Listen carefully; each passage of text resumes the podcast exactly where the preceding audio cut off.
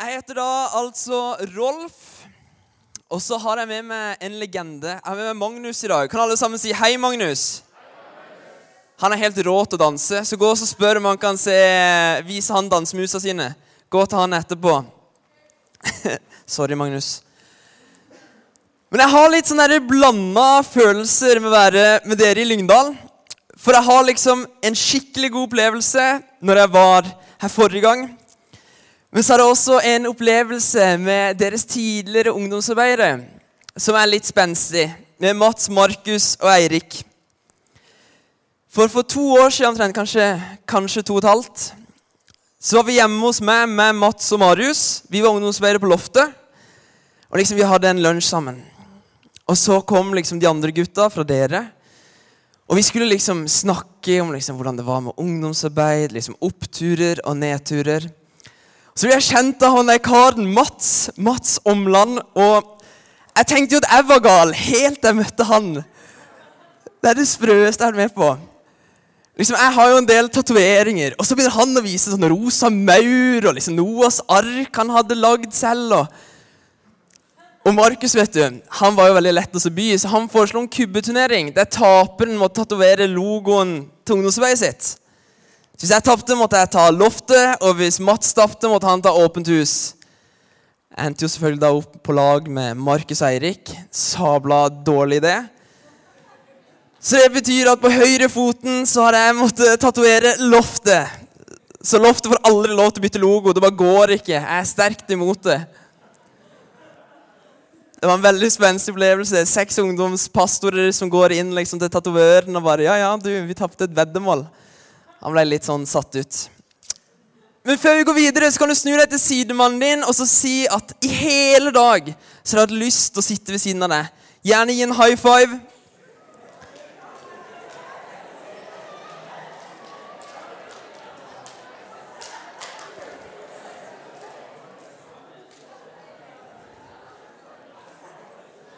Etter du har gjort det, så kan du snu deg til den andre og si at du ser fresh ut i dag.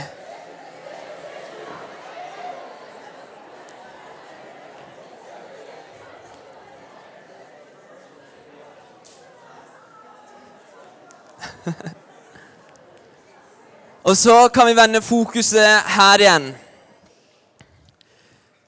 For nå er vi begynt å komme godt i gang liksom, med, med 2019. Første måneden begynner å nærme seg. Folk har begynt på skole. Og kanskje har 2019 for deg vært en sånn evig opptur. Du vet det bare går oppover og oppover oppover. Liksom Du trives, det er god stemning.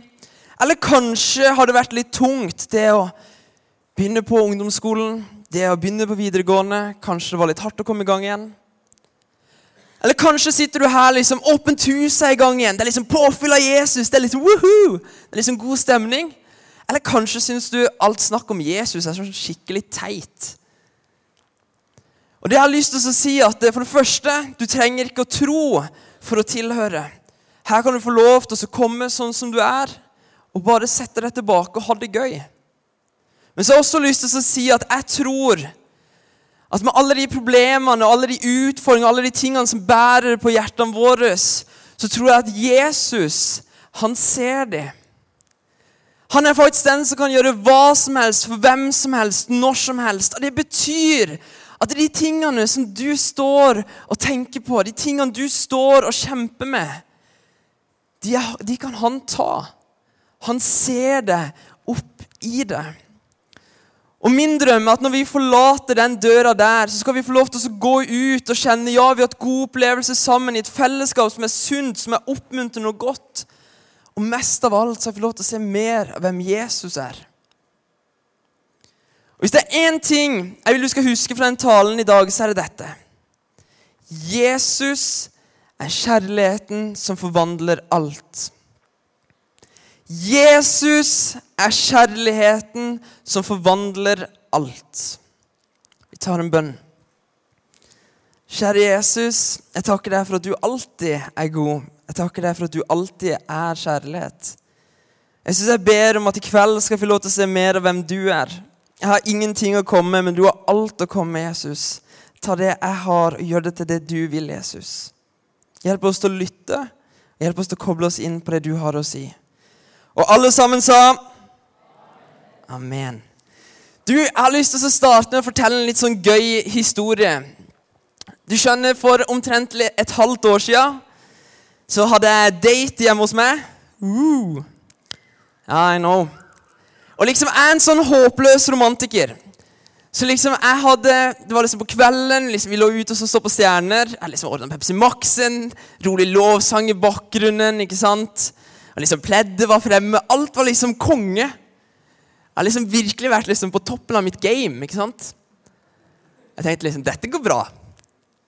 Og så er det bare én ting. Det var én ting du aldri skal gjøre. Det er sånt man tuller med, men som, som bare skjer ikke. Men med min flaks så skjer det jo selvfølgelig. Vi ligger der, og liksom, det er koselig, det er hyggelig. Og så helt ut av det blå som er liksom skikkelig nyse. Så jeg nyser noe voldsomt. ikke sant? Og det som har skjedd da, er jo at jeg har holdt inne fisen i hele dag. Så idet jeg nyser, så fiser jeg noe helt sinnssykt. Jeg kødder ikke, jeg overdriver ikke. Jeg er dønn ærlig. Det var det som skjedde. Og så er det den derre fem sekunder der det bare er helt sånn Det var helt stille, og hjernen jobber liksom på spreng. Jeg tenkte liksom sånn forskjellige løsninger. Hvordan kan jeg redde meg inn? Det var liksom Alternativ én jeg kan løpe. Men vi var, liksom hjemme hos meg, så det var liksom ikke noe sted å løpe. Hvor skulle jeg gått? Det var to jeg kunne kjøre en Adam og bare skyldt på henne. At det var din feil, det var du. Det var du som feis. Er det mulig? Så ekkel du er. Æsj! Den kunne jeg også gjort. Men så ble det heldigvis etter de der fem kleiene Det er de lengste sekundene jeg noen gang har vært med på. Så begynte hun heldigvis å le, da. Så da var det liksom Åh, takk. Men da er man stressa. Det også fise høyt. Og den var helt seriøst høy. Da var jeg redd. Jesus, kom tilbake nå. Vær så snill. Ta meg med. Jeg var liksom der, ikke sant? Men grunnen til at jeg sier dette, er at jeg tror at vi flere av oss vi har sånne klassiske, gøye historier der vi driter oss ut. Jeg har dessverre litt for mange av dem. Men så tror jeg også vi har historier der vi driter oss ut på en annen måte.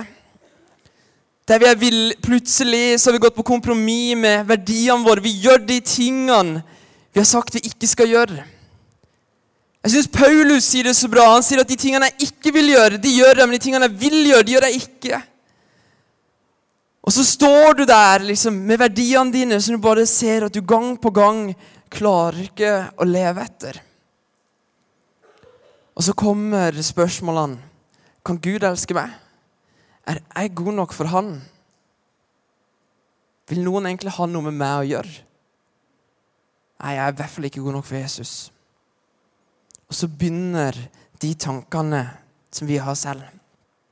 Og vi skal se på en historie som står i Johannes 8, fra 2 til 11. Skal vi se om jeg får dette her til. Yes. For det som er settinga, at Jesus han er liksom med gjengen sin.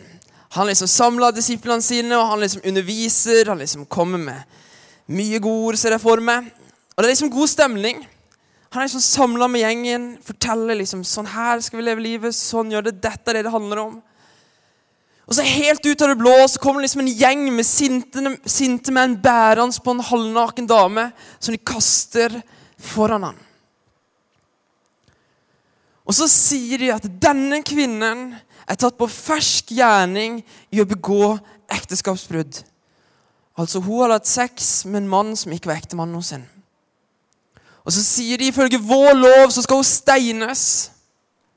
Det er også virkelig litt sprøtt, for på den tida så var det sånn at hvis du ble tatt i noe som dette, skulle du kaste stein på helt til du døde. Sånn var loven. Og så spør de hva vil du vi skal gjøre, Jesus? Tenk den settinga. Her har du den dama som ligger der, mest sannsynlig med lite tøy på seg. Alle ser på henne og tenker nå er jeg avslørt. Nå vet alle hva jeg har gjort, nå vet alle hvem jeg egentlig er. Når jeg visste, er jeg ikke god nok. Nå kommer jeg til å dø. Jeg er så skamfull. Jeg tipper du også var redd for hva Jesus kom til å gjøre, for der står hun liksom ansikt til ansikt med liksom en levende Gud. Og liksom, hva skjer nå? Men Jesus er den eneste som kan snu noe vondt nå om til noe godt nå. Og det han sier, er liksom Den av dere som er uten synd, altså den av dere som aldri har gjort feil før, du skal få lov til å kaste den første steinen. Og jeg ser bare for meg at det blir helt stille. Det blir like kleint dette som når jeg slapp den fisen. Det var liksom helt stille. Og du hører bare steinene faller i bakken. Det står at det var den eldste som slapp steinen først og gikk, og så gikk det. For Jeg ser for meg at den eldste visste det at ja, jeg har råderett på draget. Ja, jeg har òg gjort feil. Så plutselig står denne kvinnen ansikt til ansikt med Jesus. Og er sikkert fortsatt redd. For Jesus hadde jo aldri gjort noe feil. Jesus hadde aldri synda. Kom han til å kaste steinen? Men det Jesus gjør, er at han sier 'reis deg opp'. Eller hvem fordømmer deg? Altså, Hvem er det som peker finger på deg? Ingen. Reis deg opp, gå i fred, og synd ikke mer. Dette her er en kvinne som har lett etter kjærlighet overalt. Hun har prøvd de andre menn, hun har sikkert prøvd andre steder. Men når hun fant han, var hun på det laveste av det lave. Da hun tenkte at nå er alt håp ute. Men det var da hun møtte Jesus. Hun trodde hun kom til å bli møtt med steiner, men hun ble møtt med en ekte kjærlighet.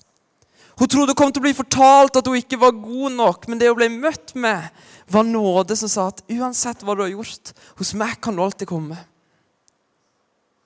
Jesus er kjærligheten som forvandler alt. For jeg tror at i vår kultur og det vi lever i, så er liksom kjærlighet det er big business. Liksom Du hadde Justin Bieber-sangen liksom 'Baby, baby, baby, oh' Jeg skulle vært med på den leken. ikke sant? Det er kjærlighetssanger. Filmer vi ser på, det er klissefilmer. Det vi leser om i VG, er når det er slutt mellom Ari Behn og ja, ikke sant? Det er mye kjærlighetssnakk. Men altfor ofte så begynner vi å tro på denne falske versjonen av kjærlighet. Altså, hvis du er god mot meg, da skal jeg vise deg kjærlighet. At hvis, Så lenge du er gøy å være med, da kan du være min venn. Så lenge du gir meg muligheter, så lenge jeg trives med deg, da har jeg lyst til å ha noe med deg å gjøre. Men hvis du driter deg ut én gang, hvis du gjør én feil, snakkes aldri. Det er den der hele tida, den der risikoen og frykten for at det, det handler rett og slett om hva jeg kan gjøre. Det handler om hva jeg kan bidra med. Mens den kjærligheten Bibelen underviser, er totalt annerledes. Vi kan lese i 1. Johannes at Gud er kjærlighet. Det er ikke noe han gjør, det er ikke noe han gir, men det er noe han er. Og du kommer aldri til å bli elska noe mer for det du klarer å komme med. Det er ingenting du kan gjøre for at Gud skal elske deg mer, og det er ingenting du kan gjøre for at han skal elske deg mindre. Kanskje sitter du her i kveld og tenker Hadde Gud visst alle de dumme tingene jeg har gjort, de tingene jeg ikke deler med noen, da hadde han avvist meg. Det er løgn. Når Jesus døde på korset, så tok han alle de feilene du har gjort, han tok alle de feilene jeg har gjort. De tingene som lå i fortida, de tingene som lå i nåtida, de tingene som ligger i fremtida. Det er ikke sånn at når vi snubler, så står Gud sånn Kunne du gjøre noe sånn? Det er ikke sånn at han blir sjokka. Men han møter oss alltid med åpne armer. Og denne kvinnen som ble tatt i ekteskapsbrudd Kanskje tenker du, Rolf, hvorfor sier du det til meg? Jeg, liksom, jeg er ikke gift, så jeg kan liksom ikke begå ekteskapsbrudd. Det er for så vidt sant. Men kanskje kjenner du på den følelsen av å være skamfull. Den følelsen av å ikke være god nok, den følelsen av at det, nå er jeg avslørt. Men det jeg har lyst til å si til deg i dag, at de tingene du tror gjør at du blir avskrevet, det er ikke det.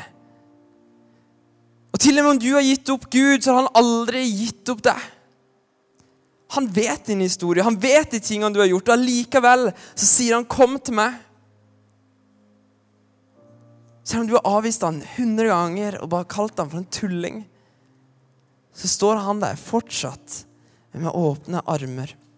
Jesus er kjærligheten som forvandler alt. Og kanskje sier du at eh, Rolf, du kjenner ikke min historie. Du vet ikke hva jeg har gjort. Du kan ikke stå og si noe sånn som dette. Det er altfor radikalt. Og du kan si at uansett hva jeg har gjort, så kommer Gud til å møte meg fortsatt. Du har helt rett. Jeg kjenner ikke din historie.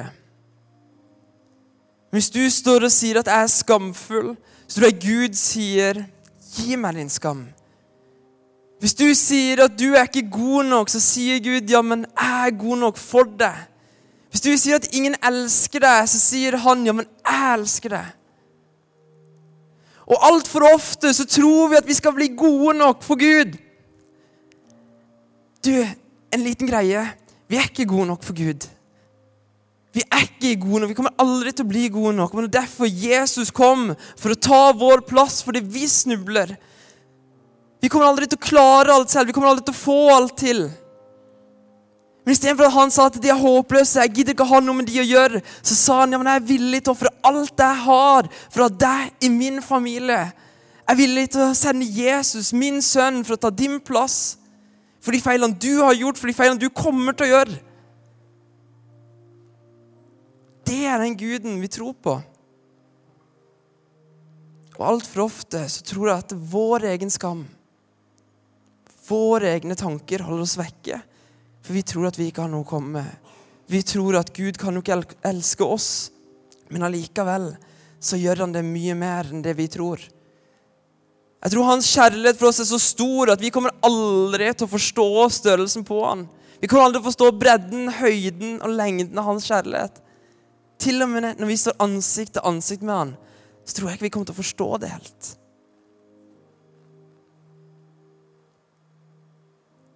Skal vi se her om jeg får dette til.